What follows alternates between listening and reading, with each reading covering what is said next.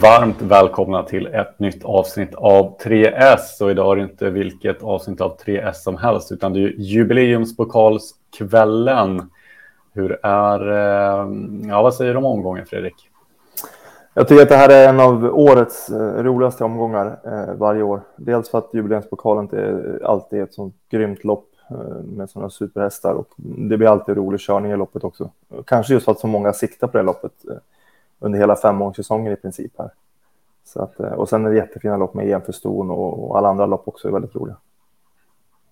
Du, vi har ett gäng rubriker att gå igenom. Vi ska gå igenom omgångens spik, vilket lopp som ska garderas och sen så chasar vi även bort den hårt betrodde. Vi ska säga det också att gillar du 3S så kom ihåg att prenumerera på kanalen så får du full tillgång.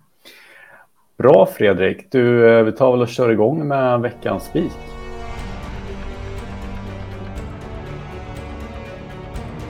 Kvällens spik då Fredrik, vart eh, hittar vi den? Ja, vi hittar den i V75 5. Eh, eh, det är ett storlopp här över 2640 meter. Det brukar vara ganska utslagsgivande faktiskt med, med de här storloppen över 2,6. Eh, det är favoriten här, nummer sju, Margareta Thoma, som jag tycker har en riktig, riktig toppchans. Nummer två, Bentley Gard, drar ju faktiskt på sig ganska mycket spel. Vi har filmer här på, från senaste loppet på Bentley Gard. Vi ser att hon är väldigt långsam från start. Och jag tror att det kommer fälla avgörandet faktiskt, att Margareta Thoma trots spår långt ut bakom vingen kommer komma före Bentley Gar, komma till ledning. Och eh, ja, Margareta Thoma från spets eh, ska ha väldigt, väldigt bra chans i det här loppet. Det är en fin uppgift för henne, eh, medan Bentley Gar har tjänat snabba pengar och står väldigt hårt in i loppet dessutom. Är det eh, ett sånt här lopp som man gärna vill ta ställning i också? Ja, de här två sticker ut. Så mm, det mesta handlar om vem av de här man ska tro mest på. Jag tycker ändå det som Margareta Thoma, som dessutom har visat faktiskt mycket mer än Bentley hittills. Nu är Bentley på väg uppåt och jag säger inte vem som är bäst om, om två år eller på sikt sådär. Men, men Bentley är väldigt färsk i, i, den här klassen och har haft lite hetsiga tendenser så att det är inte säkert att 2,6 är bra heller. Men fortfarande som Margareta Thoma mer rutinerad, eh, tuffare och eh, framförallt att hon kommer till ledning. Hade det varit så att Bentley Gar kommer till ledning och får Margareta utvändigt, då kanske jag hade funderat på att gardera. Då hamrar vi in spiken på sju Margareta Toma och så går vi vidare till skrälloppet.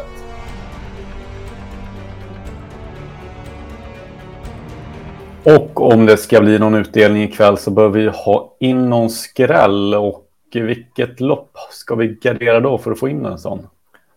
Eh, jag tänker att vi garderar i avslutningen. Ett lopp över tre varv här med, med tre volter. Eh, favoriten kan börja med, med tre King Cole där som ehm, har varit väldigt bra på sistone, men det har ju också inneburit ganska snabba pengar. Han tjänar 400 000 nu de senaste tre loppen eh, av sina 700 000. Då. Så det är ganska snabbt upp. Har varit jättebra, absolut, men det blir tuffare nu och gå ut och vinna och ta fjärde raka. Det är inte enkelt.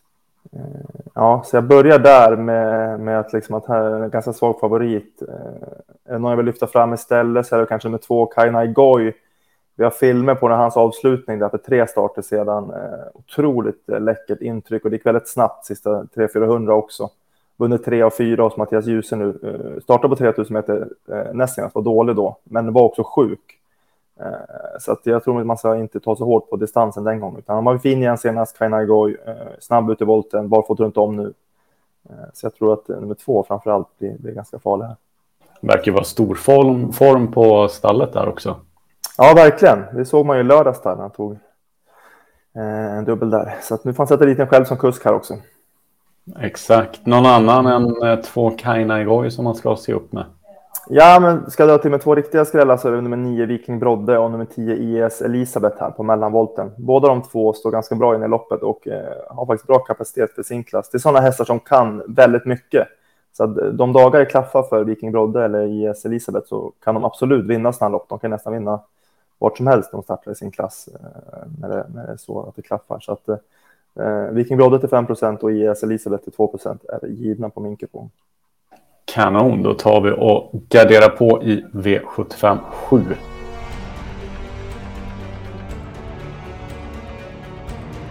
Och vad är väl inte 3S utan ett chas? Vem ska vi ta och chasa bort idag, Fredrik? Jag tänker att vi eh, testar att vara lite kaxiga här i V72 och chasa en eh, Timo Nurmos häst här på hemmaplan. Eh, nummer två, Karisma Boko. Började karriären ganska bra och det finns fina resurser där, men nej, hon ehm, efter sin fina inledning på karriären så har det inte alls övertygat, tycker jag. Och trots nu två andra platser på sistone här så eh, har jag blivit ganska besviken faktiskt. Det har varit ledning de två senaste loppen och jag tycker faktiskt att de borde ha vunnit de loppen. Vi har bilder från senaste starterna på Lindesberg. Det var inte ett jättetufft lopp. Hon fick gå i ledning och Lindesberg är en bra bana att ha spets på. Och vi ser de sista 100 metrarna, kanske framförallt 50 metrarna, så att hon eh, slår av på takten ganska rejält och, och, man nästan ser på henne att hon inte är jättesugen på att vinna eh, loppet där. Så att, eh, det kanske är lite hårt att säga att hon inte vill vinna där, men det, jag tycker inte att det är roligt intryck sista 50 metrarna där. Det gör att jag tycker hon är alldeles eh, för mycket spelad här som andra favorit. Precis, så vi skulle säga det att chaset är att vi tycker att hästen är på tok för mycket spelad, inte att den inte mm. vinner loppet.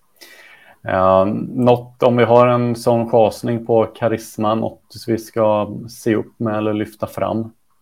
Ja, alltså Karisma Boko är hans favorit. Eh, Timo Nurmos andra häst här, Ivanka Mok, eh, är fjärde favorit här, 15 procent. Hon, det tror jag är eh, fältets klart bästa häst. Hon var otroligt bra från döden senast. Eh, hon bara joggar ifrån dem till slut. Det här är en väldigt kapabel häst och jag är säker på att hon är väldigt många meter bättre än exempelvis Karisma Boko. Och även alla andra i det här fältet. Gick med öppet huvudlag senast och bara pulveriserade dem från döden så vann vi 9 sista 800. Nu ska eventuellt bli blinkers den här gången. Eh, jag tycker att hon borde vara en klar favorit i det här loppet faktiskt. Jag tror hon vinner från dödens. Eh, jag pratar om favoriterna, med 11, Tipsy Bartender, treårigt sto som möter äldre. Eh, som spår 11 dessutom. Hon verkar ha gått mycket i främre träffen i, i Norge här, spets eller dödens. Jag tror att det här treåriga stoet kan vara svårt faktiskt att runda dem från spår 11. Så att, men ja, hon har mycket kapacitet när Tipsy bort. Hon vann Elitloppshelgen också, så att hon kanske är motiverad att vara runt 20 som hon är. Då. Men ja, det är, det är inte Karisma Boko. Nej, en till vill jag nämna, nummer fem, Ninjas mm. Kiss, det är 2 procent, det är helt galet. Hon gick med helt stängt huvudlag för första gången senast, där och öppnade väldigt snabbt. Var två bakom Napoleons Cash då, som är väldigt mycket bättre än alla de här hästarna.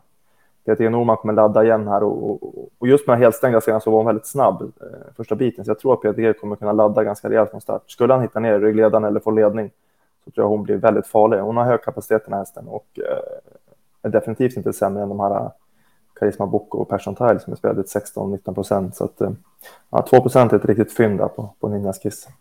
Jag läste en artikel på travenocspel.se också att det blir rycktussar på henne. Han har varit nöjd med den effekten han provar i träning. Så intressant där. Ja, verkligen. Hon har varit lite så här flegmatisk innan också. Så det är typiskt en sån häst som man vill ha lite rycktussar på. Så mm. eh, väldigt intressant. Härligt Fredrik, du vi ska ta och summera ihop den här jubileumspokalskvällen där vi alltså spikar i den femte avdelningen, nummer sju, Margareta Toma. Sen eh, sträcker vi på i V75 7 där man inte ska glömma bort då två Kaina Goy och eh, inte heller IS Elisabeth eller Viking Brodde. Och sen chasar vi bort då i den andra avdelningen nummer två Karisma Boko som vi tycker blir eh, alldeles för mycket sträckad. Varnar därför Ivanka Amok och eh, Ninjas Kiss.